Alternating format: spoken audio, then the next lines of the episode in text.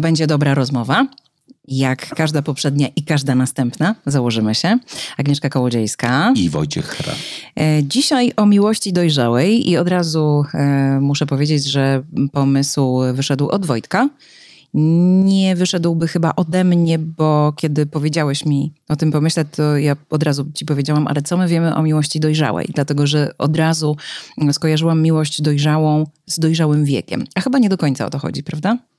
Ale intencją w ogóle tej rozmowy dla mnie był dojrzały wiek, bo faktycznie ona wyszła ode mnie, a tak naprawdę wyszła z portalu psychologicznego, czyli psychologii pozytywnej, którzy wrzucili zdjęcie, a właściwie grafikę seniorów, dziadków, siedzących sobie na ławce, trzymających się za rękę i okazujących sobie czułość.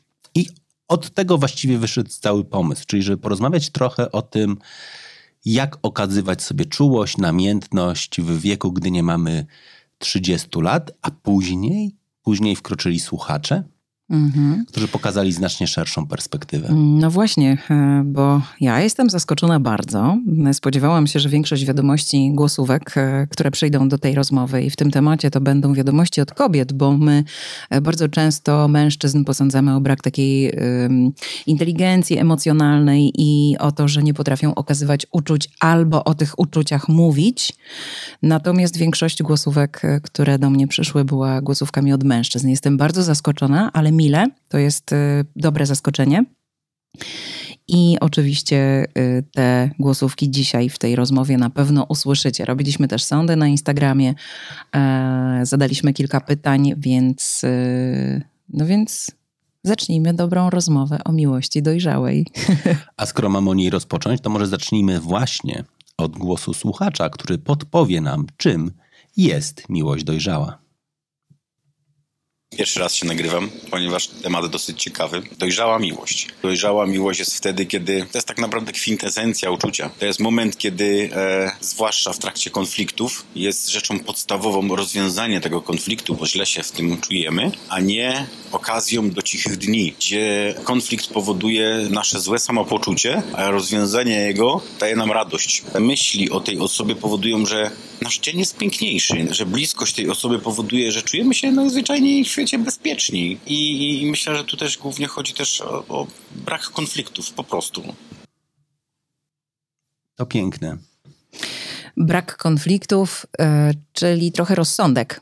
Ale też taka miłość niesfochowana. Mhm. Znaczy, ja myślę sobie, że to jest w ogóle bardzo ładna definicja tego, co pan słuchacz Sławek powiedział a mianowicie, że w momencie, kiedy pojawia się konflikt, pojawia się głównie nastawienie i radość z tego, żeby go rozwiązać, a nie żeby go wyeskalować i wprowadzić dystans.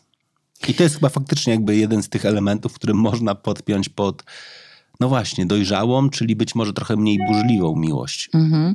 To jest y, też chyba tak, że mm, w dużej mierze zależy to od naszej osobowości. Wiesz, są osoby, które na konfliktach budują swoje związki, na konfliktach budują swoje życie i myślą sobie albo ja mam rację, albo nikt. E, w związku z tym no, źle się dzieje w takich relacjach rzeczywiście, kiedy chcemy udowodnić swoją rację i i mimo, wiesz, bo mimo wszystko każdy z nas chyba miał chociaż jeden taki epizod w życiu, czy w swoim związku, że ja mu kurwa pokażę. Nie, to tak nie będzie. Nie, ja się teraz sfochuję. Ja potrafiłam się na przykład w moich związkach nie odzywać po kilka dni, mm, żeby pokazać, jaka jestem zła, jaka jestem sfochowana i że albo będzie przepraszam, albo nie będzie w ogóle niczego. Mm. I tak sobie dzisiaj z perspektywy czasu myślę, Boże, jakie to było głupie, mhm. E, jakie właśnie niedojrzałe. E, tylko co z ludźmi, którzy po prostu tacy są? Wiesz, to, to, to chyba nie można liczyć na to, że każdy dojrzeje do pewnego rodzaju um, sposobu bycia w związku i w relacji. Tak mi się wydaje, że niektóre osoby chyba mają gdzieś tam to zblokowane, jak, jak, jakieś takie ustawienie fabryczne odkliknięte. A ja wiesz co, myślę, to jak w ogóle teraz powiedziałeś o tym, czy każdy do tego dojrzeje, to właściwie teraz pomyślałem, że miłość dojrzała jest też wtedy, kiedy razem pracujemy nad tą miłością, tak? Znaczy, czyli, że razem idziemy w kierunku rozwojowym, razem szukamy możliwości rozmowy, tego, żeby, żeby no właśnie nie robić my way or highway i nie robić jakby albo po mojemu, albo, e, albo wcale, tylko dokładnie uczyć się siebie nawzajem. To w ogóle jest chyba taki w ogóle bardzo ładny moment, żeby sobie dokładnie trochę wprowadzić ten element, y, no właśnie, dbałości o tą drugą osobę i poszukiwania pomysłu, w jaki sposób możemy się dzięki sobie nawzajem bardziej uczyć, rozwijać, wspierać. Tylko jak powiedziałeś o tym dbaniu o relacje, y, to ja z kolei mam coś takiego, że um, od lat to powtarzam, może mi się to zmieni. Od lat powtarzam, że miłość nie wystarczy, żeby związek się udał i żeby on przetrwał. To jest za mało. Miłość to jest moim zdaniem mhm. za mało. To, to, oczywiście to przeczy tym wszystkim takim pięknym hasłom, że miłość wszystko zwycięży, że w ogóle nie poddamy się. E, u mnie bywało tak, że miłość nie wystarczyła, że były tak duże różnice osobowości, charakterów, oczekiwań, celów życiowych, że to się po prostu nie udawało. I ja tak sobie czasem myślę, nie wiem, czy to nie jest za ostre podejście, być może jest, e, że kurczę, albo coś działa, albo nie działa. Nie jestem pewna, czy, czy powinno się pracować, kiedy coś naprawdę nie działa. Wiesz, y, chodzenie na kompromisy to jest, dla mnie kompromis jest taką rzeczą, która nie przynosi zadowolenia ani jednej, ani drugiej osobie, prawda? Bo to mhm. jest gdzieś coś po środku. Ty chcesz A, ktoś chce Z, a spotykacie się w G. Mhm. Takie to jest trochę, kurde, ani mnie po drodze, ani tobie po drodze. No i E, I trochę tutaj jestem na, na takim rozstaju dróg, trochę w rozkroku tutaj stoję, wiesz, w tej kwestii od bardzo wielu lat. No dobra, to kompromis jest z definicji zły, bo najczęściej jest zgniły, czyli jeżeli weźmiemy sobie prostą rzecz, jedno lubi jeździć nad morze, drugie jeździ w góry, i w ramach kompromisu. Spotkajmy się w Łodzi. Spotkajmy się w Łodzi, no to to na pewno nie jest złe, tak? Ale na przykład negocjacji jest coś takiego jak wymiana korzyści, taka strategia negocjacyjna, czyli w jednym roku pojedziemy w góry, w drugim roku pojedziemy nad morze, tak? I to już jest ok. Lub pojedziemy, nie wiem, do Hiszpanii, gdzie w jednym miejscu są góry i morze, albo do Chorwacji, tak? Czy mhm. są takie kraje na, na świecie, nie wiem, Francja też, nie, nienawidzę ich za to, e, które mają e, w jednych miejscach dokładnie te, te same rzeczy i można tego, e, można tego szukać. Jak teraz w ogóle o tym mówisz, to, to to jest temat, który ja bardzo często lubię przypominać. Relacja jest osobnym bytem. W ogóle. I to jest trochę tak, jak zakładasz spółkę, to powinieneś sobie założyć, pamiętać o tym, że jest dwóch wspólników i spółka, która jest osobnym tworem. I w tej spółce ci wspólnicy zadają sobie pytania, dobra, najpierw jest to, co jest dobre dla spółki, a później jest to, co jest dobre dla wspólników ja totalnie wierzę, że w relacji jest tak samo. Mhm. Relacja z osobnym tworem. To jest spółka z OO? Może być totalnie z OO, znaczy jakby w kategorii odpowiedzi, e, e, ograniczonego jakby zaufania, a nie odpowiedzialności może, więc to jest jakby, to, to, jest totalnie. Natomiast najpierw jest pytanie, co jest dobre dla relacji, a później co jest dobre dla nas. I oczywiście, tak samo jak będzie jak, jak w biznesie, jeżeli podejmujemy zbyt dużo rzeczy, które są dobre dla spółki, a nie dobre dla nas, to w końcu ta spółka się rozpieprzy. Tak samo pewnie w relacji jest, jeżeli będziemy robili coś wbrew sobie, wbrew swoim wartościom, to będzie trudno. To ładne, y, ale, co powiedziałeś, ale, to do mnie mówi. Ale w ogóle jakby zapamiętanie. Ja mogę powiedzieć, to, jakby to wszyscy moi koledzy, te, te terapeuci, którzy zajmują się terapią par, oni zawsze mówią na początku terapii par, przedmiotem terapii par jest relacja, a nie wy. Tak? My w ogóle nie pracujemy nad wami, pracujemy nad tym, co razem budujecie i co razem tworzycie. To jest bardzo ciekawe, bo oni zawsze też mówią, że to jest bardzo ciekawe, bo jak pary przychodzą na terapię par, to w pierwszej chwili mówią, chcielibyśmy trochę pójść do mediatora, czyli żeby ktoś z zewnątrz powiedział, ja mam rację, a on jest taki i taki, albo ja mam rację, a ona jest taka i taka. A oni mówią, nie, w ogóle to, ja, ja nie jestem tutaj po to, żeby zająć stronę, ja jestem po to, żeby wam pokazać perspektywę, ale tak długo, jak nie wyciągniecie relacji jako osobny byt i nie powiecie sobie, pracujemy nad relacją, nad naszym związkiem, a nie nad sami sobą i, i, tego, jak my w tym funkcjonujemy, to się to po prostu nie uda. Ale to trochę tak by wrzucając taki wątek gdzieś z boku, jednakże z perspektywy moich kolegów, e, wykształcenia i wielu innych no rzeczy. No wiesz, trochę stoi. z boku, a trochę nie z boku, bo przed chwilą y, słyszeliśmy Sławka, który y, trochę jakby uświadamia, że jednak rozsądek w relacji się przydaje. Czy to, w, wiesz, no, głównie w tej właśnie dojrzałej relacji, że jakby dojrzała relacja, yy, dwukropek i po dwukropku pojawia się między innymi rozsądek. No nie, no, no, no wiesz, no dojrzała relacja to też często jest w jakiś sposób dojrzały wiek. No nie jesteśmy już gówniarzami dwudziestoletnimi i wtedy więcej myślimy, więcej potrafimy zauważyć też u drugiej osoby i wydaje mi się, że ten, że ten rozsądek tam jest, powinien być i to dobrze, chyba.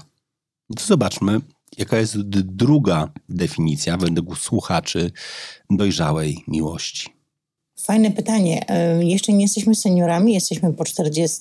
Poznaliśmy się mając po 20 lat. Ta miłość szczenięca gdzieś sobie tam poszła, jest ta miłość dojrzała gdzie my sobie ufamy. Doświadczenia też nas nauczyły dużo i uważam, że ta miłość, ona jest piękna i my, można powiedzieć, że my z dnia na dzień kochamy się jeszcze bardziej. Ja nie sądziłam, że coś takiego można w ogóle przeżywać. Jeżeli ktoś naprawdę kocha, to jest nieważny wiek. My się nadal trzymamy za ręce, my sobie mówimy za każdym razem, jak bardzo się kochamy. Na dzień dobry, na do widzenia, na dobranoc. E, przy każdej rozmowie telefonicznej, jak kończymy, to zawsze jest, no to tak kochanie, kocham cię. To jest piękne, przeżywać taką miłość i takiej miłości życzę każdemu. Nieważne w jakim wieku, tych motyli w brzuchu, no właśnie, e, bo, bo widzisz, to była Ania w ogóle, dzięki Aniu. To jest to, czego mnie bardzo często w relacjach brakuje, tych motyli w brzuchu, że po jakimś czasie to się staje takie, nie, ja nie umiem, przyznaję szczerze sobie z tym poradzić, że jeżeli te motyle na początku są, no to znaczy, że jest fajnie, a potem już jest tak zwyczajnie. E, I to jest, y, i to jest znak, sygnał dla mnie, że mm, mm, chyba jest coś nie tak. Natomiast no wierzę, że są takie relacje, o jakich e, mówi Anka. Mm, sama zresztą ma z mężem taką relację, że z dnia na dzień kochają się mocniej i te motyle w brzuchu cały czas są. Ja powiem szczerze, zazdroszczę, naprawdę. Piękne. To ja zanim pójdę dalej, najpierw chcę podkreślić, że to, co Ania powiedziała, że mają około 40, więc jeszcze nie są seniorami i to dobrze bo to znaczy, że my też nie jesteśmy. Tak w, w, ogóle Chociaż. Jakby, jakby w ogóle na początku decydując, choć myślę sobie, że z perspektywy akurat miłości, bo trochę do tego chcę nawiązywać, jak byłem dzieckiem i patrzyłem na swoich rodziców, na przykład jak oni byli koło 40, to już byłem nastolatkiem, e, to mi się wydawało, że oni są już naprawdę starzy. Mhm. I w kategorii tego, co na przykład jest cudowne u moich rodziców, to mój, mój tata cały czas mówi do mamy Krysiaczku. To jest, Krysiaczku. To jest prześliczne, to jest mhm. takie słodkie, to jest takie opiekuńcze, to jest, to jest e, cudowne. Natomiast ja nie mam takiego przekonania, że w pozostałych e, relacjach to, to poszło tak samo dobrze. Tak? To jest w ogóle jakby mhm. taki element trochę deficytu. Tak? Znaczy jak mówisz, jak, jak Ania nam mówiła tutaj, że zaczynamy dzień słowami kocham cię, kończymy słowami kocham cię, to myślę, że to co różni mnie od moich rodziców, to że ja nie tylko mówię kocham cię Karolinie, i, czyli mojej partnerce, ale również moim dzieciom. Tak? Moi rodzice nie umieli tego w ogóle powiedzieć. No, tak? bo, to jest, y, bo, bo, to jest okazywanie czułości. No wiesz, no, my jesteśmy stworzeniami stadnymi, no, my potrzebujemy drugiego człowieka do życia albo innych ludzi w ogóle. I ta czułość też jest takim elementem, którego chyba potrzebujemy. Zobacz, ja zrobiłam taką sondę na Instagramie yy, odnośnie do czułości. Czy odczuwasz potrzebę okazywania czułości? 13 osób e, zaznaczyło, że nie. Procent. Trzyna, e, e, przepraszam, procent. To około 9 tysięcy osób. 13% zaznaczyło, że nie. Jeżeli chodzi o to, czy odczuwasz potrzebę, by ktoś ci tę czułość okazywał, 11%, że nie. Czyli to jest bardzo podobny wynik. Na 9 tysięcy osób. Myślisz, że to jest dużo, czy to nie jest dużo? Czy to jest taki procent, nad którym warto by się pochylić, czy to jest takie marginalne, że w zasadzie możemy uznać, że każdy potrzebuje czułości? Każdy potrzebuje czułości. Znaczy, absolutnie uważam, że potrzeba przytulenia, pocałowania, powiedzenia kocham cię, chwycenia za rękę jest tym, co jest absolutnie fundamentalne dla, e, dobra, z perspektywy ankiety większości osób. Pytanie, które się pojawia, bo ono dokładnie było fundamentem, jak my reagujemy, jak widzimy osoby starsze, które sobie tą czułość okazują. Mm, kiedyś jechałam tramwajem w Warszawie i mniej więcej w okolicach mostu poniatowskiego z tak zwanego biodra cygnęłam fotkę parze, która wydawała mi się wtedy najpiękniejszą parą świata. To była dwójka starszych ludzi, mężczyzna i kobieta. Siedzieli e, jedno za drugim w, e, w tym tramwaju. E, pan widać, że był po jakimś świeżo zmienionym opatrunku na oku, miał zabandażowane totalnie całkiem jedno oko. E, pani siedziała za nim i taką miała teczkę, wyglądało to jak jakaś taka teczka, wiesz, ze szpitala wieziona, po prostu jakichś tam dokumentów. I ponieważ było bardzo ostre słońce, to ona siedząc za nim, osłaniała go od tego słońca tą, tą teczką, teczką, żeby w te oczy, które prawdopodobnie coś tam mu się działo w te oczy, nie, nie świeciło mu to słońce za bardzo. I to był totalnie cudowny widok, przepiękna, yy, przepiękna sytuacja. Ja to wrzuciłam na Instagrama i opisałam to, że, że to jest tak piękne, że aż, że wiesz, że aż po prostu w pewnym momencie broda ci się zaczyna trząść i, i myślisz sobie, kurde, cudowne i ciary masz. I dostałam za to taki wpierdol, że sobie nie wyobrażasz, głównie dlatego, że udostępniłam zdjęcie ludzi, którzy być może nie chcą um, być udostępnieni, no wiesz, że RODO, że, że, mhm. że, nie, że nie zapytałam o zgodę i tak dalej, i tak dalej. I wyobraź sobie, że ludzie zamiast na tym co pięknego to zdjęcie przedstawia, skupili się właśnie na tym, że może nie powinnam publikować jakby zdjęć obcych ludzi. Jakby okej, okay, rozumiem. Przeprosiłam, usunęłam to zdjęcie, mimo że przedrukowały to największe portale w tym kraju, bo to było naprawdę tak cudne i każdego chwyciło za serce, to mimo wszystko y, y, jakieś tam teksty w stylu no i teraz się będzie wozić, będzie popularna, bo, bo zrobiła coś, czego nie powinna. I ja mówię, o kurwa, dobra. Jakby nie było, nie było, nie było. Ale mam w głowie cały czas y, ten widok i tę parę, i to byli tacy ludzie na pewno po siedemdziesiątce, to mnie totalnie rozczuliło, mimo że ja naprawdę nie jestem jakoś specjalnie uczuciowa. Mnie tam wiesz, żeby doprowadzić do płaczu, e, w przeciwieństwie do ciebie. Tak, bo, ja, bo, ja, bo jak odsłuchiwaliśmy ja, ja głosówek, no. no. właśnie, to, to, to Wojtek od razu ma takie właśnie tutaj drgania w okolicy brody. Um, więc żeby mnie doprowadzić do takiego stanu, że ja, że ja staję się melancholijna, zaczynam się zastanawiać i tak wiesz, i tak patrzeć takim maślanym wzrokiem na kogoś, to naprawdę to musi być coś. I to było coś. I zobacz, to nie musiało być wzięcie za rękę, to nie musiało być przytulenie kogoś, pocałowanie, powiedzenie kocham cię. Ta kobieta temu mężczyźnie mówiła kocham cię, dbam o ciebie, opiekuję się tobą, jesteś dla mnie wszystkim, właśnie tym, że przysłoniła słońce tą teczką, kiedy on jechał ze szpitala. To było dla mnie totalnie wgniatające w ziemię. Totalnie. Jest milion sposobów powiedzenia kocham cię.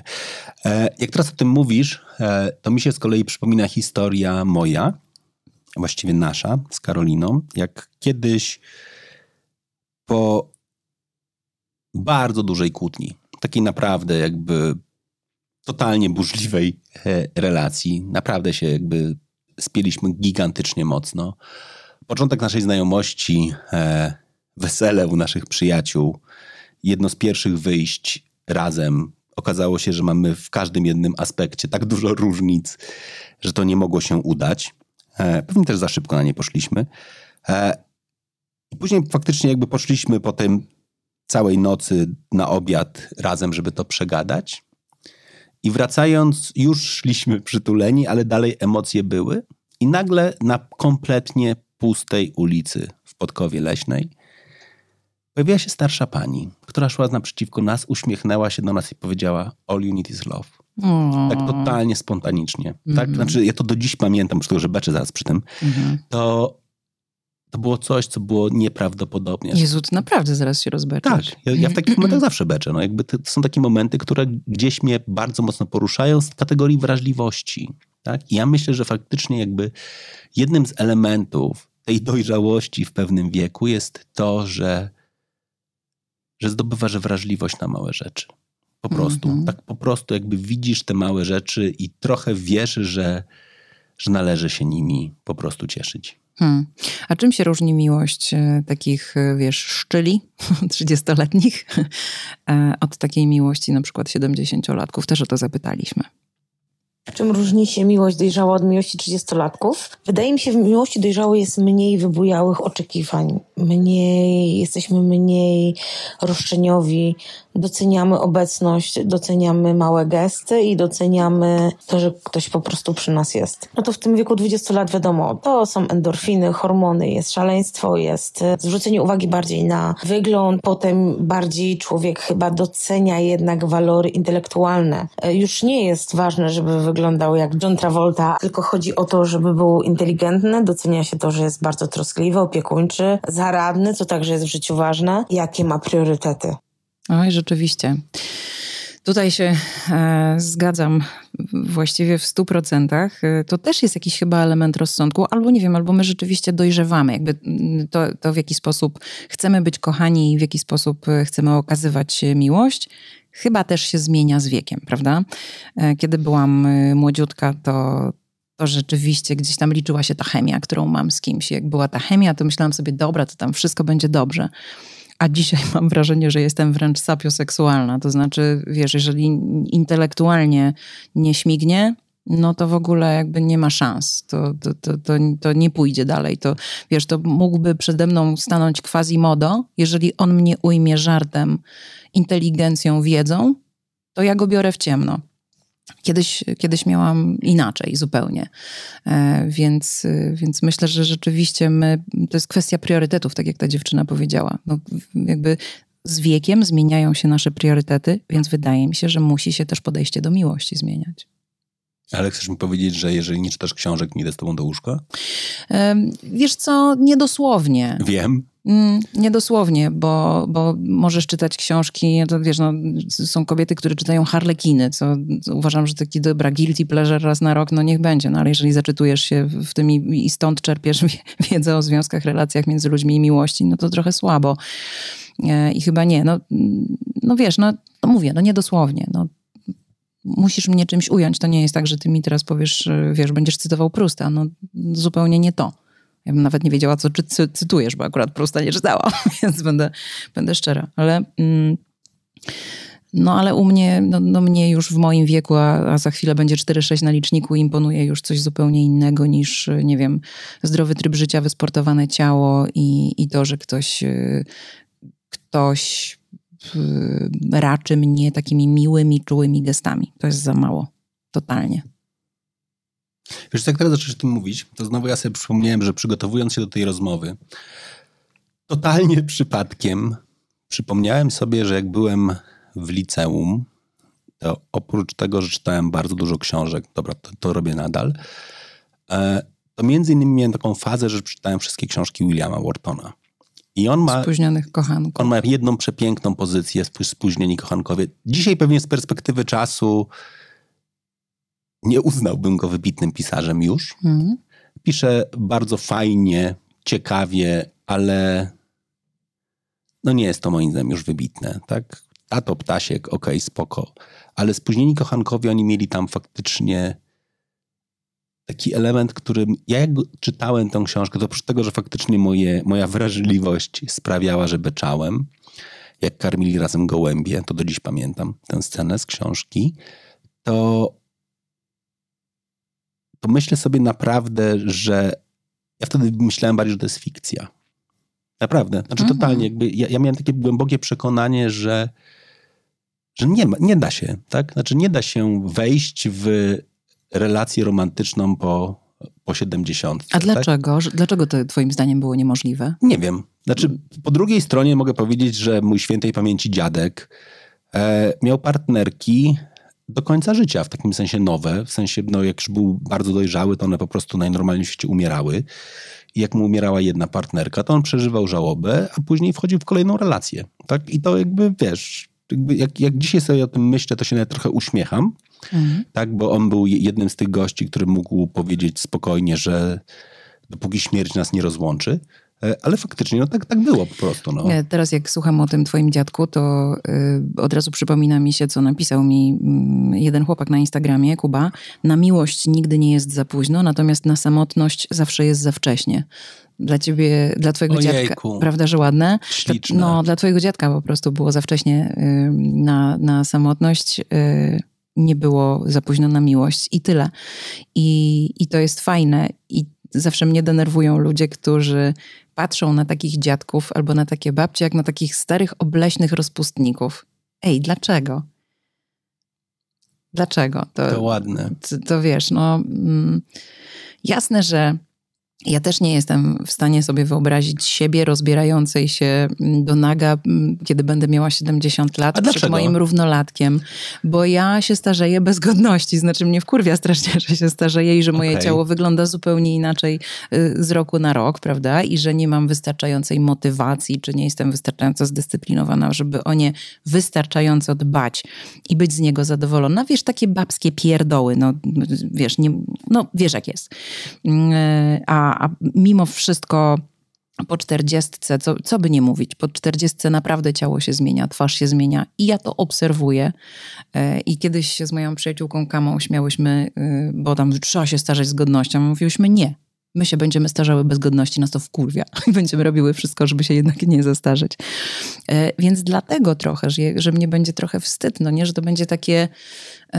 To jest totalnie głupie, co mówię. I ja gdybym... y, ja- Ja ludziom będę mówiła zawsze, albo nie wiem, jakimś mm, dzieciom moich przyjaciół, że to jest wszystko piękne, że miłość w każdym wieku na pewno jest piękna, a sama kiedy będę miała się rozebrać przed 70-latkiem, kiedy sama będę miała 70 lat, pewnie będę po prostu, wiesz, płonąć ze wstydu. A być może nie, ale dzisiaj tak Nie. sobie myślę, wiesz? Myśl, myślę, że nie. Znaczy, ja myślę, że faktycznie też, znaczy dobra, nie wiem, ja, ja mówię ze swojej perspektywy akurat, że ten poziom akceptacji swojego ciała, wyglądu się będzie posuwał też wraz z wiekiem, tak? Znaczy po prostu obserw- tak. obserwując je na co dzień, będzie po prostu... Tylko wiesz co, zobacz, obraz był od zawsze i jest cały czas moim ulubionym dziełem sztuki. Obraz K- w każdej postaci. To znaczy, to może być obraz olejny wiszący w muzeum, to może być em, ruchomy obraz w postaci, e, w postaci, nie wiem, filmu em, i tak dalej. To może być zdjęcie po prostu. Mm. Zanim zaczęliśmy dzisiaj nagrywać e, ten odcinek, to powiedziałeś, że twój starszy syn ma ogromną wrażliwość na piękno i że on się źle czuje w brzydkich miejscach. Tak, tak Trochę, no właśnie, trochę też tak mam. E, i, I my jesteśmy bombardowani ładnymi obrazami. I to też nie pomaga. I kiedy będę miała 70 lat, jak sobie odpalę, wiesz, na przykład sesję zdjęciową, bardzo taką kobiecą, którą sobie zrobiłam w zeszłym roku, to pewnie będę ryczeć. No nie? Bo my jesteśmy bombardowani ładnymi obrazkami i nagle, co, będę miała 70 lat, rozbierze się przede mną 70-latek, który będzie miał pomarszczone ciało. E, najpierw będzie musiał łyknąć niebieską tabletkę, no nie? I jakby to wszystko, i, i wtedy pomyślę sobie tak, to już? Tak krótko? Tak było pięknie, ale tak krótko było pięknie, a teraz będzie tak inaczej? A może do tego nie dojdzie, nie wiem. Dzisiaj sobie tak myślę z perspektywy czasu. Ojejku, wiesz co, to ja myślę sobie, że w ogóle oprócz tego, że takim trendem, który e, jest tym trendem trochę e, właśnie nawiązujący do tego, żeby się jednak starzeć z godnością, a z drugiej strony dbać o to, czyli cały trend longevity, daje tutaj trochę nadziei na to, tak? Znaczy ty mówisz, że rozbierze się facet, ale ja dalej będę mówił, dobra, ale jeżeli to będzie Sting, znaczy nie on konkretnie, tylko no, Jesus, no ten facet ma prawie 80 No dzisiaj, tak. tak? A wygląda jak milion dolarów. A to widzisz, to jeszcze jedna myśl mi przychodzi do głowy. Zobacz, mm, my się, że tak powiem, starzejemy z naszymi idolami, prawda? Na przykład, nie wiem, z Arnoldem Schwarzeneggerem, z No. Sylwestrem Stallone, z Jasonem Stathamem, z, z George'em Clooneyem czy Bradem Pittem, z naciskiem na tych dwóch ostatnich na przykład. Oni się przepięknie starzeją. I kiedy ja ich oglądam na ekranie, kiedy oglądałam ich 20 lat temu, bo oglądałam, oni byli dla mnie tak samo atrakcyjni, jacy, jak, Jak jacy, teraz. jak teraz. No. I ja w ogóle nie czuję u nich tego upływającego czasu. I kiedy oni wchodzą na, na ekranie w filmie w relację intymną z jakąś kobietą, to dla mnie to jest nadal w ogóle wszystko fajnie. Ale gdyby to był mężczyzna w ich wieku, ale nie byłby Bradem Pittem ani George'em Clooneyem, tylko przy, przypadkowym aktorem, którego gdzieś tam odkryto po prostu i mężczyzną, którego kompletnie nie znam, wtedy bym o nim pomyślała, okej, mężczyzna w podeszłym wieku, który wchodzi w relację romantyczną z, z kobietą, to są seniorzy. Dla mnie Brad Pitt i, i, i George Clooney nie są seniorami, a przypominam, że Brad Pitt właśnie skończył sześć dych. Mm. E, I Sting też nie. Mimo, y, ile mówisz? Osiem, Nie wiem, możemy sprawdzić Możemy zaraz. sprawdzić zaraz. Y, Ale wiesz, wiesz o co chodzi, że rośliśmy z nimi. Przepraszam, 72 lata. O 72, widzisz. 50, no to, no to, 51 no to rocznik. chyba nie, nie obrazimy nikogo, jeżeli powiemy, że no 72 lata to już jest jednak senior, prawda? Em, Wiesz, co chcę powiedzieć, że, że trochę inaczej patrzymy na tych, z którymi do, dorastaliśmy i gdzieś się z nimi opatrzyliśmy, a zupełnie inaczej na kogoś innego. Jestem przekonana, że gdybym spotkała e, za jakiś czas, za 20 lat, moją wielką miłość z podstawówki, em, to nie popatrzyłabym na niego, o rany, jak ty się zestarzałeś. Spotkaliśmy się e, kiedyś raz, mm, rzeczywiście po latach, po szkole podstawowej. Dla mnie był tak samo atrakcyjny, jak był w podstawówce, kiedy się w nim kochałam. I założę się, że w przypadku tego człowieka, jeżeli go spotkam za 20 lat, będzie dla mnie tak samo atrakcyjny. Ale nie wiem, co z innymi mężczyznami, których wiesz, których nie znam, których będę dopiero odkrywała. Dla mnie to pewnie będą starsi panowie. Albo będą tak samo atrakcyjni. Znaczy, być może, Być Na, na, może. na tym polega właśnie ta miłość, tak? Znaczy, na tym polega ten, ten, ten moment jakby zakochania się. To w ogóle ciekawy jest e, wątek, jak, jak zadałem pytanie e, na Instagramie, co byście zrobili, gdybyście dowiedzieli się, że wasza mama lub babcia, w zależności od wieku, ma swoje konto na Tinderze? To Okej. najczęstsze odpowiedzi, które dostałem, to były pewnie musiałabym im pomóc w sprawach technicznych i miałybyśmy niezły ubaw. Tak? Znaczy nie było żadnego komentarza takiego ojejku, co teraz nie wypada, że aplikacje randkowe są tylko dla młodych. W ogóle, tak? Znaczy więcej, większość osób było, że to, to jest absolutnie okej, śmiałabym się z tego, wspierała, pomagała jej przygotować się lub jemu przygotować się na randkę, ubrać i tak dalej, i tak dalej, i tak dalej. Jedyna rzecz pod tytułem wsparcie seniora w sprawach technicznych, tak? To to się faktycznie jakby by- pojawiło, tak? Znaczy, sk- skoro my dajemy na to prawo w związku z tym, tak, żeby nasi rodzice lub dziadkowie, jeżeli są wolni, to randkowali, no to kurczę, no to dlaczego sobie mamy nie, nie, nie dawać tego prawa? No? Jasne, tylko trochę to, że y, sami mówimy, że pomagałabym się przygotować do randki, wsparłabym w sprawach technicznych, y, wiesz, miałybyśmy niezły ubaw, to już wskazuje na to, że nie jesteśmy równi na tym Tinderze. Że jednak, y, No nie jesteśmy no równi, jednak, no bo, wiesz, no bo, Jesus, traktujemy no, ich jak seniorów. No No, bo pe- pewnie fak- faktycznie, no nie wiem, z, z tej perspektywy, chociażby dokładnie te sprawy techniczne, tak? Jednakże jesteśmy pokoleniem, które sobie lepiej radzi w sprawach technicznych niż e, to, które też dzisiaj ma dużą potrzebę być w świecie cyfrowym, ale ponieważ się nie wychowało w tym świecie cyfrowym, to pewnie potrzebują tego wsparcia, tak? I to jest okej. A są y, apki, mm, czy te portale y, dla seniorów randkowe? Są, por- są portale randkowe dla seniorów. No bo wiesz, bo to też mm, potrafię sobie wyobrazić, że, że taka, nie wiem, pani 60 plus albo 70 na Tinderze, gdzie są głównie, wiesz, ładni, młodzi ludzie, że może ją spotkać też jakaś przykrość, że no wiesz, ludzie są okropni jednak, y, bywają okropni. Trochę mówi się, że najokrutniejsze to są dzieci, ale myślę, że w, na, na, na takich portalach też mogłaby ją spotkać mm, przykrość, więc zastanawiam się, czy to nie jest rzeczywiście lepsze. Mnie się wydaje, że jak będę już w pewnym wieku, to już nie będę korzystała z Tindera, tylko przerzucę się na coś dla, Dla, sen- dojrzalszych. Dla no, dojrzalszych. Pamiętajmy o tym, że jeszcze są cały czas y, biura matrymonialne lub po prostu miejsca, w których można Są? się spotkać. Sanatoria. Sanatoria. O miłości w sanatorium pewnie kiedy indziej. No dobra, a jakie są pozostałe różnice? Miłość seniorów jest dojrzalsza. Są bardziej świadomi tego, że ich czas powoli dobiega końca. Cieszą się bardziej tym życiem, cieszą się bardziej sobą, cieszą się bardziej tą miłością. Jest ona taka pełniejsza. Kiedyś, jak pojawiały się problemy w związku, to się je naprawiało, a nie wyrzucało do kosza, bo łatwiej jest znaleźć sobie kogoś nowego, niż naprawić to, co faktycznie jest między ludźmi. Chociaż jest to bardzo przykre. Mhm. Znowu pojawił się wątek upływającego czasu, jeżeli chodzi o seniorów. E, święta prawda. Dlaczego my jesteśmy, my jesteśmy głupcami? Naprawdę jesteśmy głupcami. Większość z nas idę o zakład do pewnego momentu w swoim życiu, do pewnego wieku. Różnie to bywa u każdego pewnie.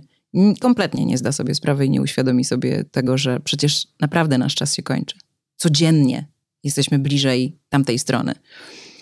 I jak to zrobić, żeby to sobie uświadomić i żyć pełnią życia wcześniej, aniżeli wtedy, kiedy już naprawdę zauważymy, że, że jesteśmy już seniorami i naprawdę nam niewiele czasu zostało.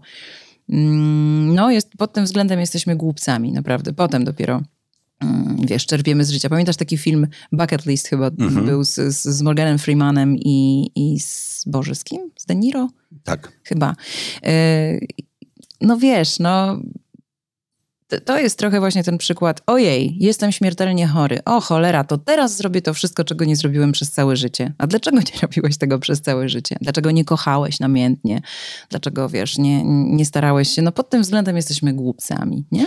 Bo moim zdaniem to w ogóle jest chyba jedno z najlepszych określeń, czyli że życie to śmiertelna choroba. Kropka. No tak. Przynoszona Znaczy- drogą płciową. Znaczy, że, że generalnie jakby każdy z nas kiedyś umrze. Jak zacząłeś mówić o tym chwytaniu też momentów, to jedna z najcudowniejszych par, ja ich absolutnie uwielbiam za to, co robią, e, czyli Jacek i Ania, pozdrawiam was serdecznie. Jacek jest moim landlordem, czyli człowiekiem, od którego wynajmuję dom.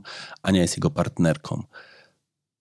Oni są seniorami i to takimi naprawdę przez duże S, mimo tego, że są totalnie sprawni, mimo tego, że są bardzo zachłyśnięci życiem. Obydwoje mają osobne swoje dzieci, obydwoje są po, e, jakby w, nowym, w nowej relacji teraz ze sobą. Nowej, ona już dość długo trwa. To, co jest piękne, jak dokładnie teraz sobie myślę o tym, ja uwielbiam rozmawiać z nimi o ich podróżach, bo Jacek z taką gigantyczną czułością zawsze opowiada o tym, że on planując podróż, chce pokazać najładniejsze momenty swojej partnerce Ani. To jest cudowne. On naprawdę jakby za każdym razem, jak planuje jakąś podróż, dużo podróżują, to jest w ogóle też cudowne, wspaniałe, to on myśli o tym w takim, nie jak będę to przeżywał, tylko co jeszcze mogę jej pokazać. Akurat jest człowiekiem, który przez całe swoje życie dużo podróżował, który mieszkał długo za granicą, więc też dużo widział i teraz chce tym wszystkim się, wiesz, podzielić i on za każdym razem myśli, to jest, to jest tak śliczne, jak on o tym opowiada, bo on zawsze mówi, no ja tutaj szykowałem taki moment, żeby właśnie jej to pokazać, bo to jest cudowne, wspaniałe, fantastyczne i przepiękne. Moment, to jest też słowo klucz. I, i, to jest, I to jest absolutnie trochę o tym, że właśnie ten upływający czas jest szalenie istotny. Oczywiście, że miłość trzydziestolatków różni się od miłości dojrzałych ludzi. Ja sama zakochałam się w moim mężu, jak miałam 16 lat, i powiem szczerze, że to uczucie nastoletniej mnie było zupełnie inne niż to uczucie, którym darzę mojego męża teraz. A mam ponad 30 lat. My, trzydziestolatkowie, mamy wrażenie, że przed nami świat stoi otworem, mamy jeszcze dużo czasu na to, żeby kochać, jak nie ten, to następny i tak przepuszczamy przez palce naszych partnerów, a osoby dojrzałe wiedzą, że tych dni nie zostaje już dużo. Trzeba cieszyć się każdą chwilą, wyciskać życie jak cytrynkę i dobierają partnerów bardziej na zasadzie dopasowania się do rzeczywistości, a nie wymarzonych ideałów. Miłość dojrzała to też miłość bardziej odpowiedzialna, ale też beztroska. Osoby dojrzałe nie mają czasu na ceregiele, randki w nieskończoność, przekładanie życia na później. Oni biorą wszystko pełnymi garściami, bo wiedzą, że jeżeli nie dziś, to kiedy? No właśnie, że nie ma czasu na przekładanie życia na później. To jest też bardzo ładne takie mm, sformułowanie. Mm, Znowu ten upływający czas. Y, Przyszło mi do głowy, kiedy opowiadałeś o swoich landlordach, że ja pochodzę z rodziny, w której i po stronie mamy, i po stronie taty ludzie, którzy tracili swoich y, małżonków, już nigdy się z nikim nie związali. To dzisiaj to sobie dopiero uświadomiłam. Nigdy o tym nie myślałam, też nie miałam jakiejś potrzeby. Moja babcia, mm, mama mojej mamy, której mąż, czyli mój dziadek, którego nigdy nie poznałam, zmarł, kiedy moja mama nawet miała 7 lat. To, to, to było, wiesz, bardzo dawno. Mm, No to, to babcia nigdy nic. To ja jestem przekonana. Ona się totalnie poświęciła rodzinie.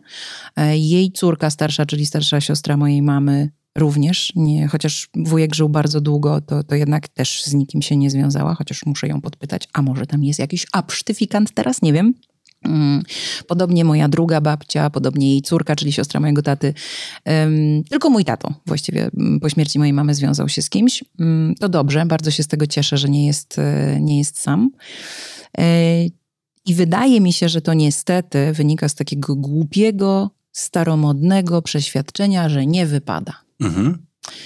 E, Bo to był jeden mąż, bo sobie żeśmy przysięgali przed Bogiem i koniec, i nie wypada. Mm, no, w zasadzie rękę bym sobie dała obciąć, że to trochę tak było właśnie w, w przypadku tych osób. Szkoda.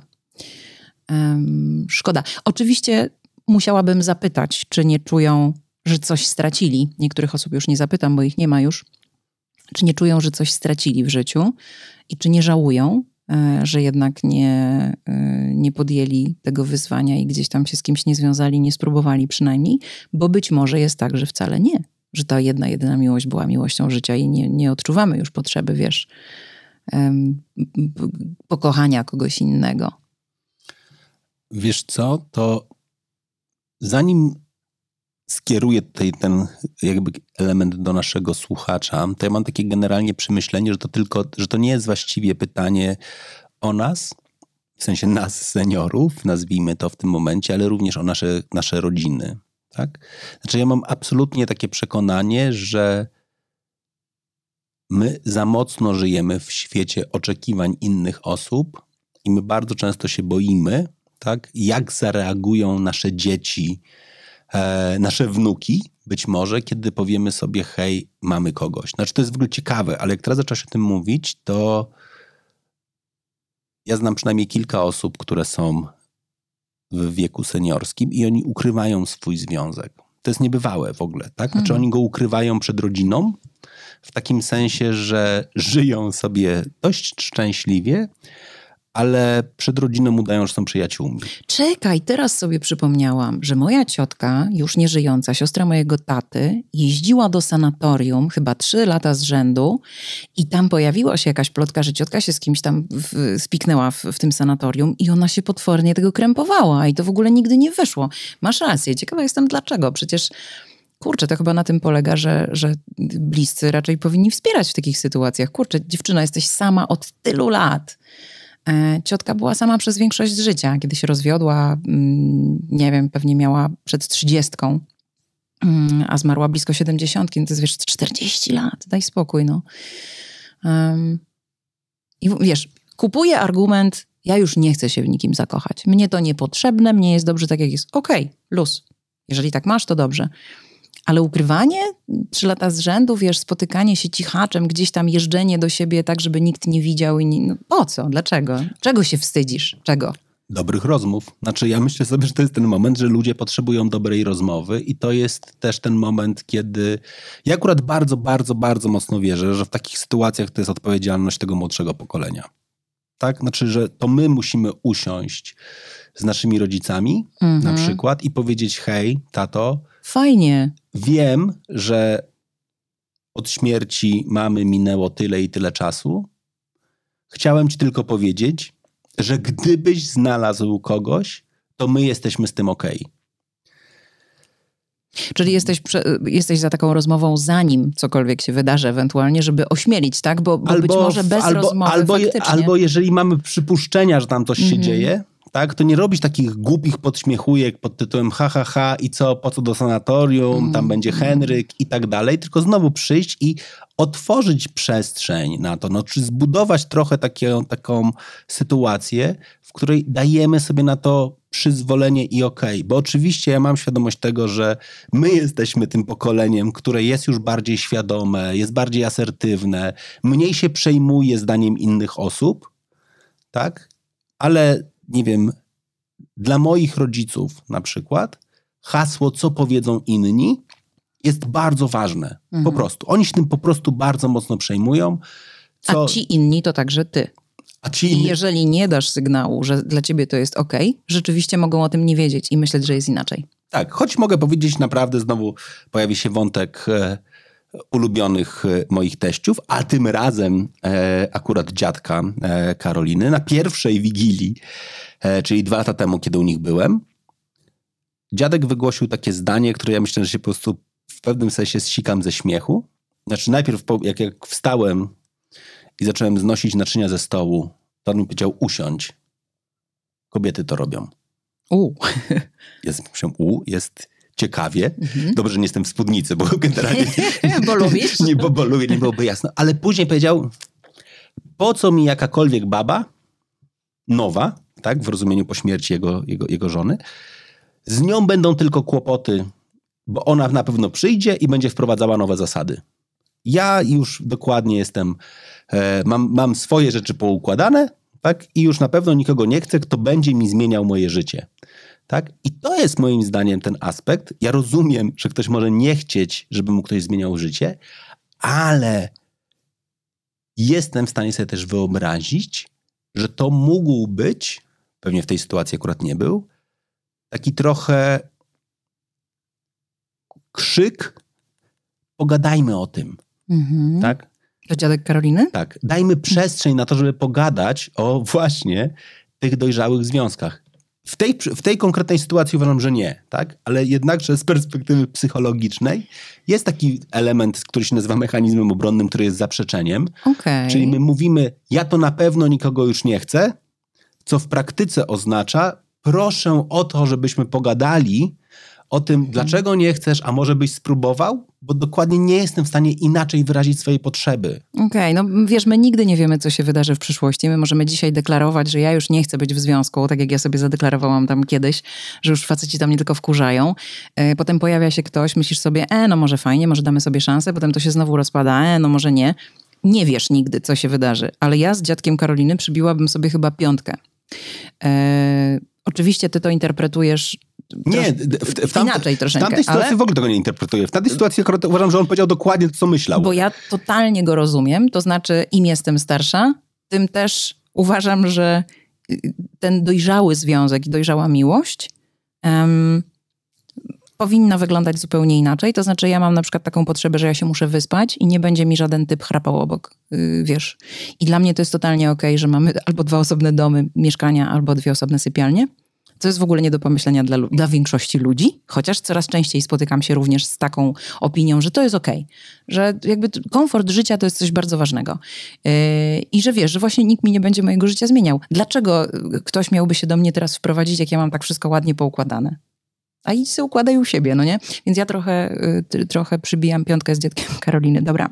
Ale wiesz co, bo widzisz, ale to, bo ja myślę sobie, że to jest jeden z kolejnych elementów e, tej, e, tej miłości dojrzałej, tak? Znaczy w takim sensie, tu znowu pewnie mogę nawiązać e, do moich e, landlordów, bo oni są absolutnie, naprawdę oni są zjawiskowo piękni, jako para razem, ale oni mieszkają w dwóch domach. Hmm, tak? widzisz. Znaczy, jakby jeden, Jacek mieszka w jednym, Ania mieszka w drugim i oni do siebie przyjeżdżają. Tak? Oni naprawdę jakby, wiesz, to jest taki moment, bym powiedział, bardzo studencki, tak? Znaczy, przyjeżdżam do ciebie na trzy dni, tak? A później ty do mnie na trzy dni, a później razem gdzieś jedziemy na trzy dni, a czasami Zostajemy sami. zostawimy, zostajemy sami i się przez tydzień nie widzimy i dajemy sobie przestrzeń na to, żeby, żeby za, sobą, za sobą zatęsknić. Świetne. E, Co jest w ogóle prześliczne, naprawdę jest prześliczne, bo ja totalnie rozumiem, że w pewnym wieku też powiedzenie, że starych drzew się nie przesadza, tak? Znaczy, osiadłeś już w jednym miejscu, tak?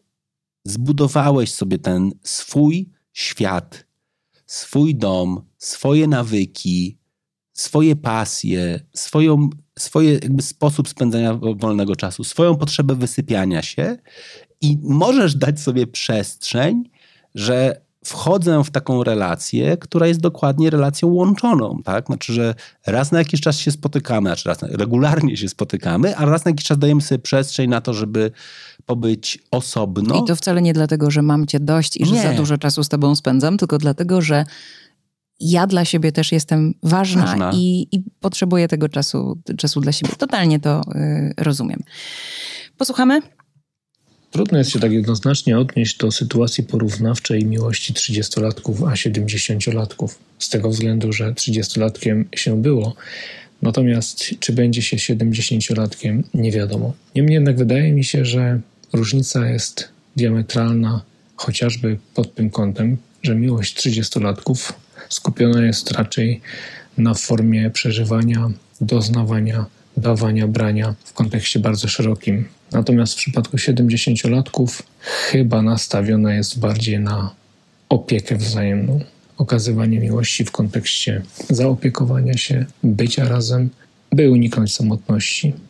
By uniknąć samotności. Ja bardzo y, dużą uwagę zwróciłam na to ostatnie sformułowanie, no bo znowu na miłość nigdy nie jest za późno, natomiast na samotność zawsze za, wcześ, za wcześnie. Czy boisz się samotności na starość? Samotności na starość wzięłam w cudzysłów. E, zapytałam na Instagramie, odpowiedziało 9 tysięcy osób. 62% odpowiedziało, że tak, że boi się samotności na starość.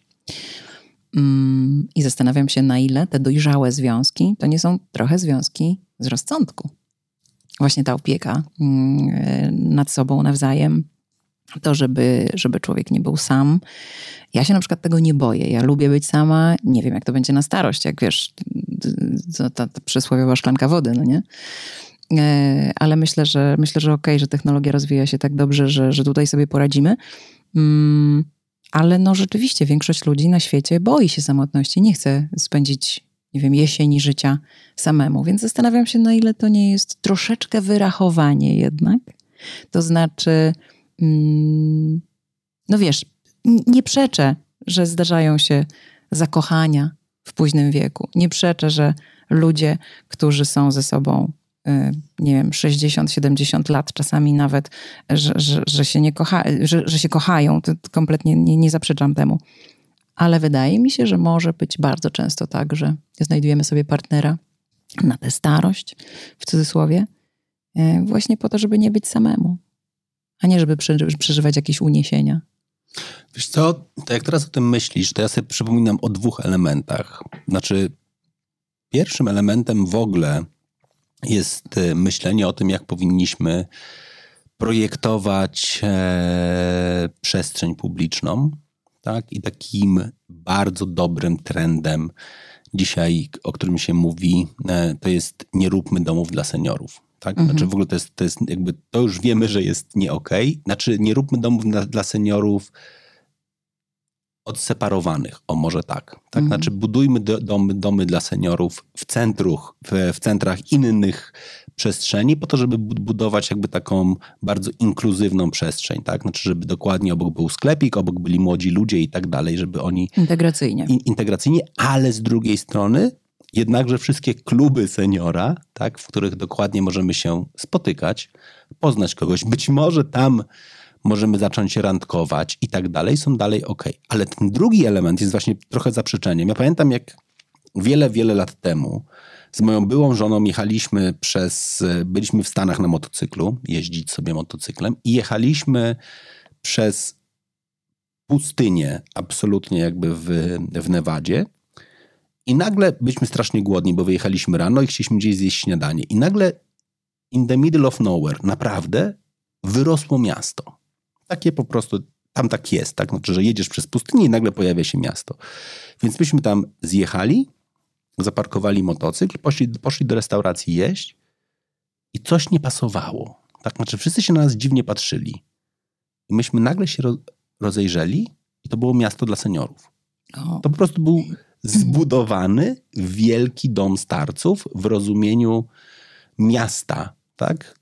Domy, przestrzeń, w restauracji, w której jedliśmy coś, co jest najbardziej amerykańskie, ludzie grali w bingo i tak dalej, i tak dalej, i tak dalej, ale w kategorii tej samotności, tak, nie byli. I to jest akurat element, który jest bardzo trudny w Polsce, tak, znaczy z dwóch tematów, które jak zadałem pytanie na grupie facebookowej o czym powinniśmy rozmawiać w kolejnym odcinku, to dwa najlepiej jakby klikane tematy to był testament i właśnie e, relacje seniorskie. Myślę sobie, że jakbyśmy wrzucili trzeci temat, czyli dom starców, co jest w ogóle złym, złym określeniem, tak? Czyli dom seniora jest dla mnie lepszym określeniem, dom opieki jest lepszym określeniem, gdzie jego elementem nie jest to, że masz trafić dlatego, że jesteś niedołężny, tylko możesz podjąć decyzję, że tam idziesz, dlatego że tam będziesz spotykał też, będziesz żył pośród pozostałych osób, tak? Z perspektywy, nie wiem, środowiska twórczego to jest fajne, tak? Bo mamy w, domu, w Polsce domy pracy twórczej, tak? Które są dokładnie tym elementem, w którym możesz później, mm, e, później być, tak? I ja myślę sobie, że to jest rozumienie też samotności, tak? Że na starość nie, nie chodzi o to, że nie będę miał partnera, tylko nie będę miał znajomych i przyjaciół. Tak? Znaczy, to mogę powiedzieć, że to jest naprawdę moment, kiedy Ja mogę powiedzieć ze swojej z perspektywy znowu moich rodziców. Coś, co najbardziej spowodowało, że mój ojciec się postarał, ale postarzał, to był moment, kiedy zaczęli umierać jego koledzy z roku. Mhm. Znaczy taki moment, w którym chodzisz regularnie na pogrzeby ludzi ze swojej pracy, z którymi studiowałeś, zaczynałeś i tak dalej, i tak dalej, jest momentem, kiedy naprawdę ja mogę powiedzieć, że emerytura, czy też przejście na emeryturę nie spowodowało, że on się tak bardzo posunął. Czyli mental. W, w wieku, jak, jak moment, w którym ja długo tego nie kumałem, tak? Znaczy, to jest takim momentem przełomowym, tak? I on kiedyś mi powiedział, tak? Znaczy, że ten moment, kiedy chodzę, najczęściej spotykam swoich kolegów na pogrzebach i to nie są pogrzeby wujków, cioć, dziadków, tylko moich równolatków, jest bardzo przygnębiający. Tak? Mhm. Znaczy ta świadomość tego, że jesteś już w tym miejscu, że już krótko mówiąc, biorąc twojej półki, jest bardzo, bardzo, bardzo trudna. I ja rozumiem, tak, że znowu pewnie bycie w, pośród osób tych samo, równolatków pod tym względem jest trudne, ale moim zdaniem, tak jak za młodu mamy prawo poznawać nowych ludzi, tak na starość też mamy prawo poznawać nowych ludzi i znowu bardzo mocno wierzę w to, że naszym zadaniem powinno być wypychanie osób do tego, żeby byli pośród innych osób. I pewnie pod tym względem znowu stoję w, takim, w takiej przestrzeni, że to nie tylko powinny być zajęcia dla seniorów, ale powinniśmy dać sobie przestrzeń na to, że jak masz 60 lat, 70, 80 lat, to możesz pójść, nie wiem, na spotkanie grupy biegowej, jeżeli chcesz trochę potruchtać i ta grupa powinna cię przyjąć z otwartymi ramionami. Mnie wzruszają historie związane z jogą. Tak? Yoga jest absolutnie bardzo inkluzywna pod tym względem. I wszyscy moi znajomi, którzy prowadzą e, miejsca z jogą, mówią, że to jest jeden z najcudowniejszych momentów, kiedy zachęcamy po prostu osoby w każdym wieku, żeby do nas przyszły i z pełną wrażliwością na możliwości ruchowe i tak dalej, i tak dalej prowadzimy te zajęcia, żeby nie tworzyć grup dla seniorów, bo my rozumiemy to, że na początek jest łatwiej, tak? czy jak jesteś seniorem, to łatwiej jest ci przyjść do grupy seniorów, bo ten element wykluczenia jest mniejszy z uwagi na mobilność, ale długoterminowo masz przychodzić na zajęcia ogólne, po to, żeby czuć się po prostu jakby częścią mhm. normalnego społeczeństwa, a nie tylko tego starego. Jak powiedziałeś e, o tym mieście w Nevadzie, które tam wam wyrosło i że to było takie miasto seniorów, e, to przypomniało mi się, jak swego czasu rozgorzała taka dyskusja w Polsce, e, nie tylko na temat osiedli, budowania mhm. osiedli w ogóle przez deweloperów właśnie dla seniorów, ale też na przykład dla rodzin, że to jest tylko dla rodzin z dziećmi, a to jest tylko dla singli, a to jest tylko dla seniorów. Mm, pomyślałam sobie wtedy, mój Boże, w jakich pięknych czasach żyję, że ktoś wpada na taki pomysł, bo ja uważam, że to są genialne pomysły. Bardzo chciałabym mieszkać na osiedlu, y, gdzie nie ma dzieci. Mhm. Bardzo bym chciała. I wyobrażam sobie, że mm, gdyby, kiedy będę seniorem, to też nie będę chciała mieszkać na osiedlu z dziećmi, E, albo z młodzieżą, która będzie robiła imprezy. Ja nie będę mogła spać, bo to wiadomo, wiesz. Y, chodzi mi o to, że mm, w pewnym wieku masz potrzeby, których nie rozumieją mhm. Y, ludzie, którzy są w innym wieku, zwłaszcza młodsi, prawda? Mm. I dla mnie to by było wspaniałe. Ja bym była pierwsza, która bym tam sobie kredycik za, zaklepała, do, wiesz, żeby kupić takie malutkie mieszkanko, kawalereczkę na takim osiedlu e, dla seniorów. Uważam, że to by było fantastyczne. A oczywiście nie muszę się ograniczać wyłącznie do przebywania na tym osiedlu. Mogę sobie mhm. wyjść na inne, mogę sobie pojechać gdzieś, spędzić czas z młodszymi i nie ma problemu, ale to uważam, że to są dobre pomysły. Natomiast zszokowało mnie wtedy, że um, osiedle dla rodzin bez dzieci, czy tam dla singli, że to jest karygodne, to jest wykluczające, to jest dyskryminujące. Dlaczego?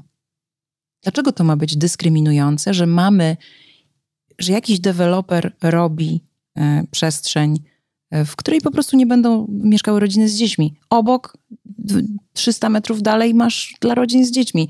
E, są osiedla mieszane, gdzie nikt nie ma nic przeciwko, ale dlaczego E, dlaczego masz nie mieć możliwości wybrania takiego miejsca do życia, gdzie nie chcesz, żeby ci się pętaki pałętały, po prostu, wiesz, darły japę na placu zabaw od, y, wiesz, od maja do, do października? Mm. Uważam, że, że to jest okej, okay, że jakby nie, nie jedźmy tak daleko, że to jest dyskryminacja, bo, e, bo nikt nie powiedział na przykład, że osiedle dla seniorów to jest dyskryminacja, ale oczywiście matki z dziećmi podniosły raban, że jak to osiedle dla rodziców, dla ludzi bezdzietnych. I to jest zawsze takie, że mam wrażenie, że rodzice to jest tak, to jest taka grupa ludzi, którym trzeba strasznie uważać, żeby na odcisk nie nadepnąć, bo tam po prostu cokolwiek powiesz, to jest jakaś afera, bo te dzieci, bo te dzieci. Nie ma w moim życiu wartościowania takiego, albo na przykład, nie wiem, był wypadek, y, zginęły kobiety, Boże, najgorzej, kobiety i dzieci. Mhm. Ale to co, no, albo nie wiem, ludzie. zginęły dzieci. No przecież to są wszystko ludzie. Dlaczego życie dziecka ma być bardziej wartościowe niż ży życie 60-latka? Ja tak na przykład nie uważam trochę. Wiesz, no ktoś powie, bo to jest nasza przyszłość. No, różnie z tą przyszłością bywa. Nie, no jakby traktujmy wszystkich jak ludzi i y, bierzmy pod uwagę ich potrzeby, i naprawdę nie widzę nic dyskryminującego w takim, e, w czymś takim. Przecież nie musisz w tym uczestniczyć. Możesz wybrać zupełnie inaczej. To, to, nie jest tak, że cię ktoś zmusza. To jest jedna z propozycji i to jest fajne. No mamy takie czasy, że ludziom przychodzą różne pomysły do głowy i dopóki nikt nas do niczego nie zmusza, to chyba jest okej, okay, że możemy wybrać. Ja rozumiem argumenty prawne i totalnie rozumiem, dlaczego to jest niemożliwe w Polsce, żeby było e, tak zrobione. Faktycznie nie możesz w Polsce robić dyskryminacji z mhm. uwagi na wiek. Mhm. Kropka. Mhm.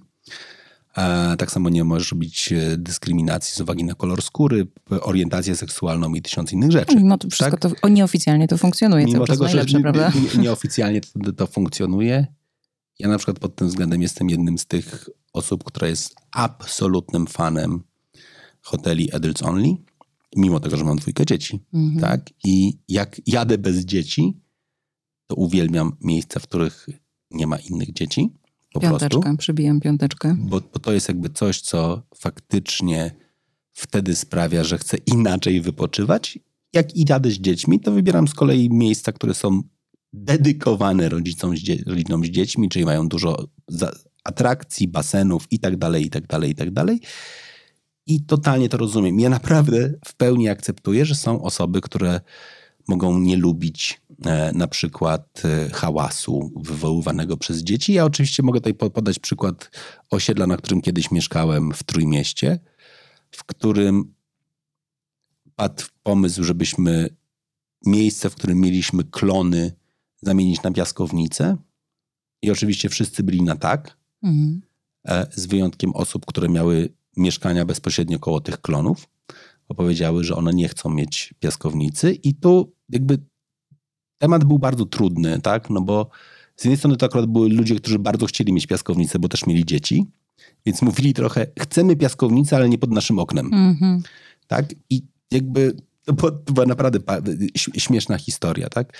I jakby jak o tym sobie myślę, tak, to po prostu jakby decydując się na to, że jesteś na osiedlu z dziećmi, to znaczy, że piaskownica będzie, być może będzie koło twojego okna. Pewnie gdyby była zaprojektowana od samego początku, to byłoby łatwiej, ponieważ po trzech latach funkcjonowania tego osiedla ktoś wpadł na pomysł.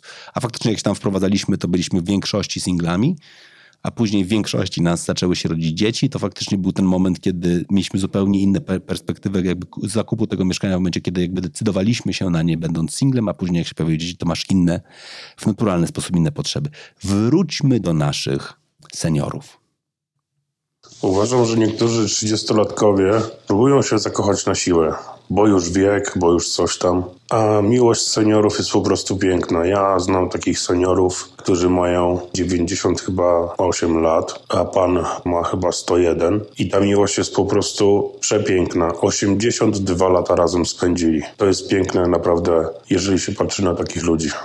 A to opowiadał Patryk z kolei. Um, na pewno czytałeś o takich przypadkach ludzi, którzy właśnie byli ze sobą tak bardzo długo, a potem, kiedy jedno z nich umierało, to drugie umierało prawie w tym samym czasie. Mhm. W bardzo krótkim odstępie czasu, że jakby ta tęsknota, to tak jakbyś był. Um, miał wspólne korzenie z tą osobą, prawda? I że tamte korzenie obumierają i ta choroba cię trawi i bardzo szybko ty też po prostu umierasz.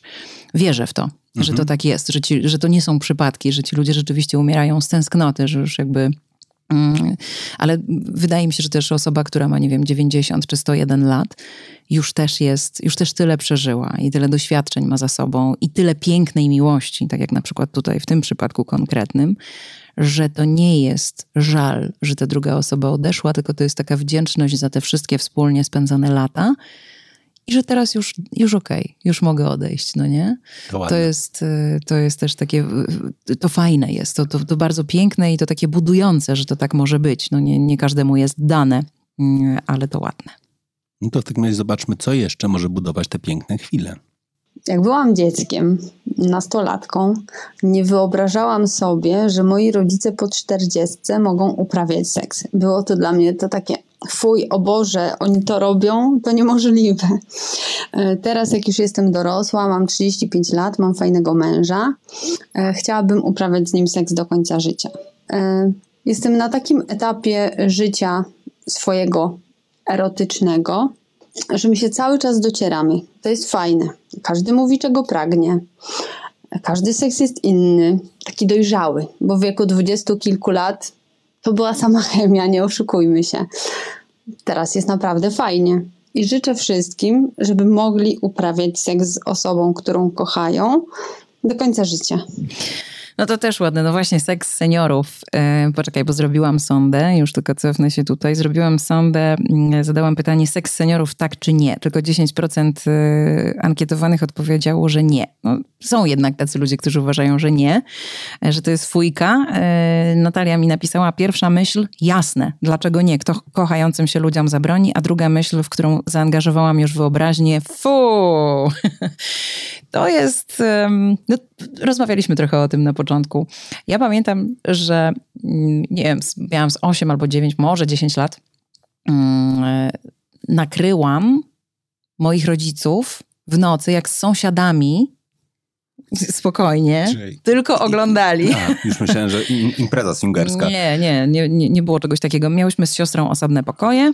E, rodzice z, spali w tym stołowym, jak mhm. to się mhm. nazywało, na, na rozkładanej kanapie. No i tam któregoś wieczora, pewnie to był weekend, nie pamiętam, zaprosili e, sąsiadów z góry i pamiętam, że we czwórkę oglądali pornola, a nakryłam, go, nakryłam ich tak, na kineskopowym telewizorze z wideo oczywiście, no nie? E, nakryłam ich w ten sposób że szłam do toalety, po prostu musiałam się wysiusiać w nocy. E, I szłam i wracałam, ale byłam taka trochę nieprzytomna. Dopiero rano chyba zdałam sobie sprawę z tego, co ja tam właściwie widziałam. Oni się jakoś tam nie, niespecjalnie przejęli tym, że ja przeszłam. I jak sobie zdałam sprawę z tego, co oni robili, to było to dla mnie tak obleśne. A oni wtedy byli młodsi niż ja teraz. I myślę sobie, kurde, jaki człowiek był głupi w takim młodym wieku.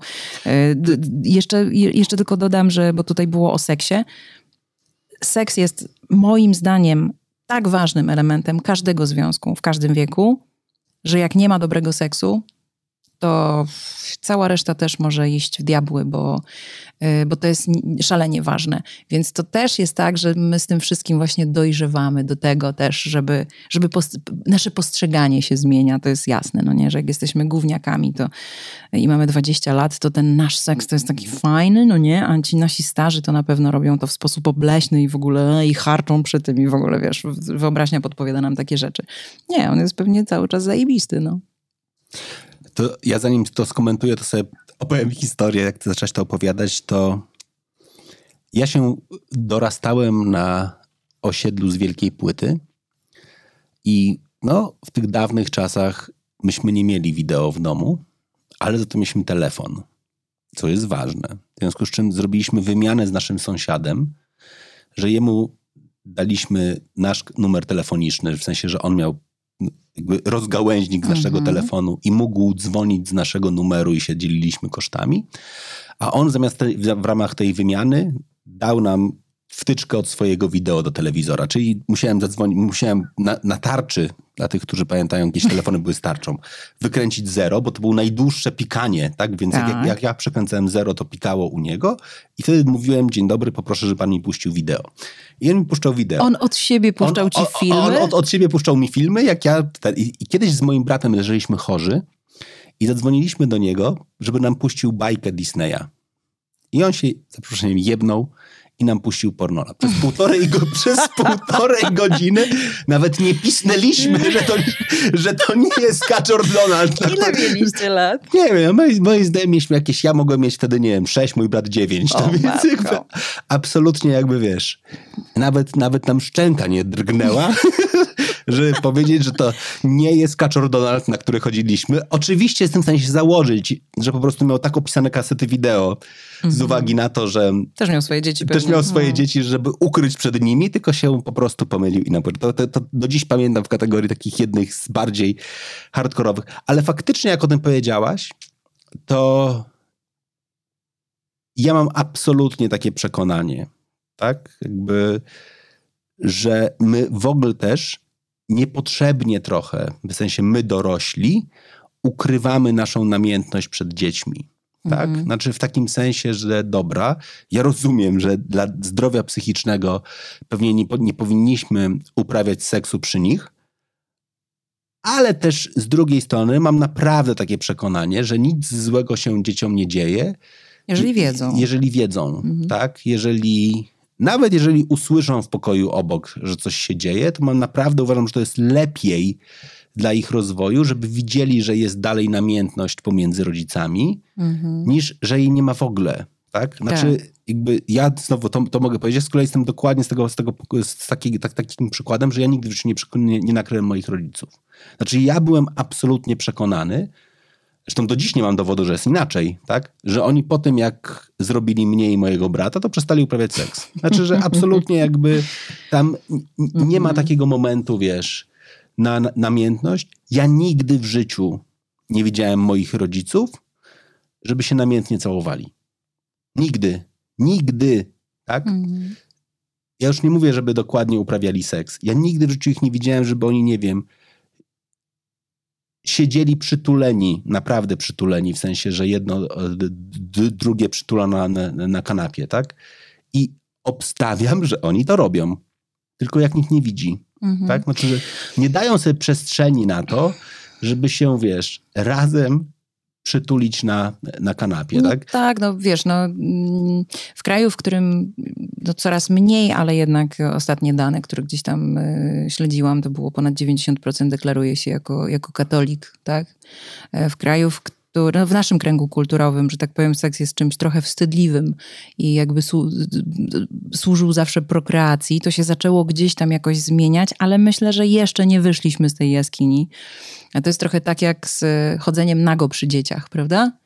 Że to też, e, ja nie mówię, żeby paradować, wiesz, przez cały dzień, ale nie róbmy też z tego wielkiej afery, jeżeli, nie wiem, dziecko zobaczy nas, nas nagich. No, to jest nasze ciało, no, to jest element naszego życia. Oni też mają ciało, też to tak wygląda, tylko w mniejszej skali, w skali mikro, więc... e, Więc trochę z tym seksem jest y, tak jak z tą nagością właśnie w, w domu i też się z tobą zgadzam. No, sama nie mam dzieci, ale też uważam, że nie ma nic w tym złego. Seks jest przejawem miłości, namiętności, zażyłości w relacjach i to jest wszystko, co najlepsze. Jakby tego właśnie dzieci powinny się chyba uczyć od dorosłych, żeby się kochać, szanować.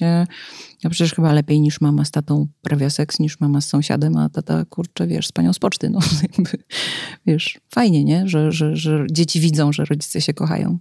I to jest absolutnie dobry moment, żeby przejść do tego. Moja babcia wzięła ślub w wieku lat 77 i tak naprawdę nigdy nie widziałem jej tak szczęśliwej jak teraz. Sposób, w jaki patrzą na siebie z moim przyszywanym dziadkiem, to widok, który tak naprawdę mnie, dorosłego faceta, szczerze rozczula. Ich spędzany wspólnie czas, pasje, rozwiązywanie krzyżówek czy wzajemne emocjonowanie się losami bohaterów seriali przed telewizorem uświadamia mi nieraz, że starość po prostu może być fajna. Poza tym oboje kochają ogród i całkiem niedawno babcia podzieliła się ze mną refleksją, że czasem nawet by chciała porobić coś sama w innym miejscu ogrodu, ale nie za bardzo może, bo pan Stanisław ciągle ją woła, po prostu lubi, gdy jest obok. Jest też taki film, Piąta pora roku, e, z naprawdę świetną rolą pani Ewy Wiśniewskiej i pana Mariana Dziędziela, który również pokazuje, że prawdziwe uczucie może zupełnie nieoczekiwanie zrodzić się w trakcie jesieni życia. I to pomimo wszelakich różnic. Pozdrawiam serdecznie. Pozdrawiamy serdecznie. Myślę, że y, chyba wszyscy wolimy określenie piąta pora roku niż jesień życia, no nie? To prawda. To jest ładniejsze. To jest w ogóle, to, to jest totalnie prześliczne. Natomiast w tym komentarzu jest jeszcze jedna bardzo ładna rzecz, trochę o której już rozmawialiśmy, że może się w tym etapie pojawić potrzeba odrębności. Mhm. Tak? I, I to jest chyba taka duża różnica. Tak? Znaczy, ja wiem, mamy potrzebę odrębności na każdym etapie swojego życia, ale na początku sobie trochę nie dajemy jej do, tego prawa, tak? a w tym seniorskim wieku no, chcielibyśmy sobie coś sami porobić w ogródku, ale ten, ta druga osoba nam ciągle przychodzi i pomaga. To piękne i wzruszające. Nie wiem, czy na pewno aż za każdym razem tak bardzo cieszące, ale to w ogóle jest ładny moment, żeby dokładnie też chyba szukać takich łączących elementów, a trochę samotności i odrębności. Bardzo mocno wierzę w to, że każdy z nas, przynajmniej większość, mm, w tym wieku, mm, podczas tej piątej pory roku, że będzie już na tyle świadome tego, czego chce, tego, czego nie chce i tak dalej, że ta miłość rzeczywiście będzie piękna, bezkompromisowa, że będzie można się nią cieszyć, że będziemy potrafili ze sobą rozmawiać o tym, co nam nie leży, co nam nie pasuje, czego potrzebujemy. I że tutaj nie będzie już żadnych, um, żadnych jakichś takich, nie wiem, niesnasek, nieporozumień. I że wreszcie podczas tej piątej pory roku przestaniemy popełniać błędy młodzieńczej miłości. A popełniamy ich całą masę, ja po prostu widzę po sobie, po moich przyjaciołach, popełniamy ich całą masę i chciałabym, żebyśmy się e, wreszcie nauczyli, że, że pewne rzeczy nam nie służą i właśnie wtedy zaczęli korzystać z tej naszej całej wiedzy zdobytej latami e, bo to, jest, bo to są bardzo cenne doświadczenia. No ale to jak ze wszystkim. No, niektórzy uczą się na własnych błędach, niektórzy nie. Szkoda by było się nie uczyć na błędach, bo jednak można potem jeszcze no, wycisnąć jak cytrynkę pewne rzeczy no, gdzieś tam na koniec. A to jest w ogóle bardzo ładne, bo to w pewnym e, komentarzu, jeżeli dobrze pamiętam, to chyba Patryk też powiedział o tym, że jak mamy 16 lat, to oczywiście latające amory nas regularnie dopadają i tam się zakochujemy na prawo i lewo. Jak mamy 30 lat, to często wchodzimy w relacje, bo wypada. Mm, bo tak? już czas. Bo już czas, bo już trzeba. A jak mamy 70 i więcej, to jeśli wchodzimy wtedy w relacje z tysiąca powodów, tak, bo poprzednia się skończyła, bo być może nigdy nie byliśmy w relacji, to wchodzimy dlatego, że ta relacja nam służy. Mhm. Znaczy, nie, nie, jestem w stanie sobie wyobrazić sytuacji, w której w wieku seniorskim miałbym wejść w relację toksyczną, tru, to, toksyczną trudną, tylko, tylko, dlatego, że wypada. Tak. On, ona naprawdę jest wspierająca, rozwojowa, Inna pomocowa. rzecz, pozostawanie w takiej relacji, która nam nie służy. To jest też coś zupełnie innego. Ludzie czasami są ze sobą do końca życia, bo nie wypada się rozwieść, bo co ludzie powiedzą i tak dalej. To jest troszeczkę inna rzecz, ale tak jak mówisz, wchodzenie w późnym wieku, wchodzenie już w relacje, też mam nadzieję, że jest wolne od, od, od tego typu rozkwin. I myślę sobie, że też jest mniej takie na hura. Tak? Mm -hmm. Znaczy myślę sobie, że to jednak że daje taką przestrzeń na to, żeby ta relacja się rozwinęła. Ja chyba marzę o takim świecie. Naprawdę po tej rozmowie trochę marzę o takim świecie, w którym po pierwsze będziemy zachęcać naszych rodziców i dziadków do tego, żeby rozmawiać w ramach dobrej rozmowy przy stole o relacji, żeby dawać i budować przestrzeń na to, żeby można było, żeby nie wypychać ich na siłę, tak? I nie mówić, ej, idź teraz na spotkanie, tam kogoś poznasz. Nie, bo to w ogóle nie o tym. Ale jeżeli na przykład mamy przypuszczenie, że jeździ do sanatorium i się z kimś spotyka, to żeby dać na to dużo przestrzeni akceptacji wsparcia. i zgody i wsparcia. Mm -hmm. Bo też myślę sobie, że to, czego możemy się bać, to jak mamy 40 lat i mamy się rozwieść, to mamy, możemy się bać, co powie moja mama, co powie mój tata, co powie mój teść i tak dalej. A jak mamy 80 lat i wejść w związek, to możemy się bać tego, co powiedzą moje dzieci, do tego moje wnuki tak. i tak dalej. To jest kompletnie inny, na, choć, symetryczny, choć symetryczny lęk. A myślę, że warto budować po prostu atmosferę wsparcia i akceptacji. Po raz kolejny dochodzimy do konkluzji, że dobra rozmowa jest na wagę złota I to właśnie taka rozmowa była. Dobra rozmowa o dojrzałej miłości. Pewnie nie wyczerpaliśmy wszystkich wątków, bo to jest nie do zrobienia, ale fajnie było o tym porozmawiać, mimo że podchodziłam do tego trochę jak pies do jeża na zasadzie przecież ja mam 40 parę lat, co ja wiem o dojrzałej miłości. E, ale chyba wszyscy będziemy tam w tym punkcie. Więc fajnie czasami trochę wcześniej pomyśleć o tym, jak to może wyglądać e, i jak się będziemy wtedy w tym wszystkim czuli. No nic, e, dzięki wielkie za, za wszystkie głosóweczki. One naprawdę robią robotę i bardzo Was zachęcamy do tego, żebyście uczestniczyli w tym podcaście, bo to jest w sumie jedyny taki podcast w Polsce w tym momencie z udziałem e, słuchaczy, więc, więc fajnie, niech to się rozwija. I zachęcam Was oczywiście również do dodawania komentarzy po tej rozmowie. Zarówno na Spotify'u możecie komentować, opisywać, na YouTubie, gdzie już piszecie dużo komentarzy. Wszędzie tam, gdzie słuchacie tej audycji, dawajcie komentarze lub też po przesłuchaniu możecie nam napisać w mediach społecznościowych, nie wiem, na Facebooku, na Instagramie też, co myślicie o tej rozmowie. Jest też grupa facebookowa, która nazywa się Dobra Rozmowa, więc zapraszamy, żebyście do niej dołączali, e, bo tam też dużo takich merytorycznych y, dyskusji się toczy. Dziękujemy i do następnego. Do następnego.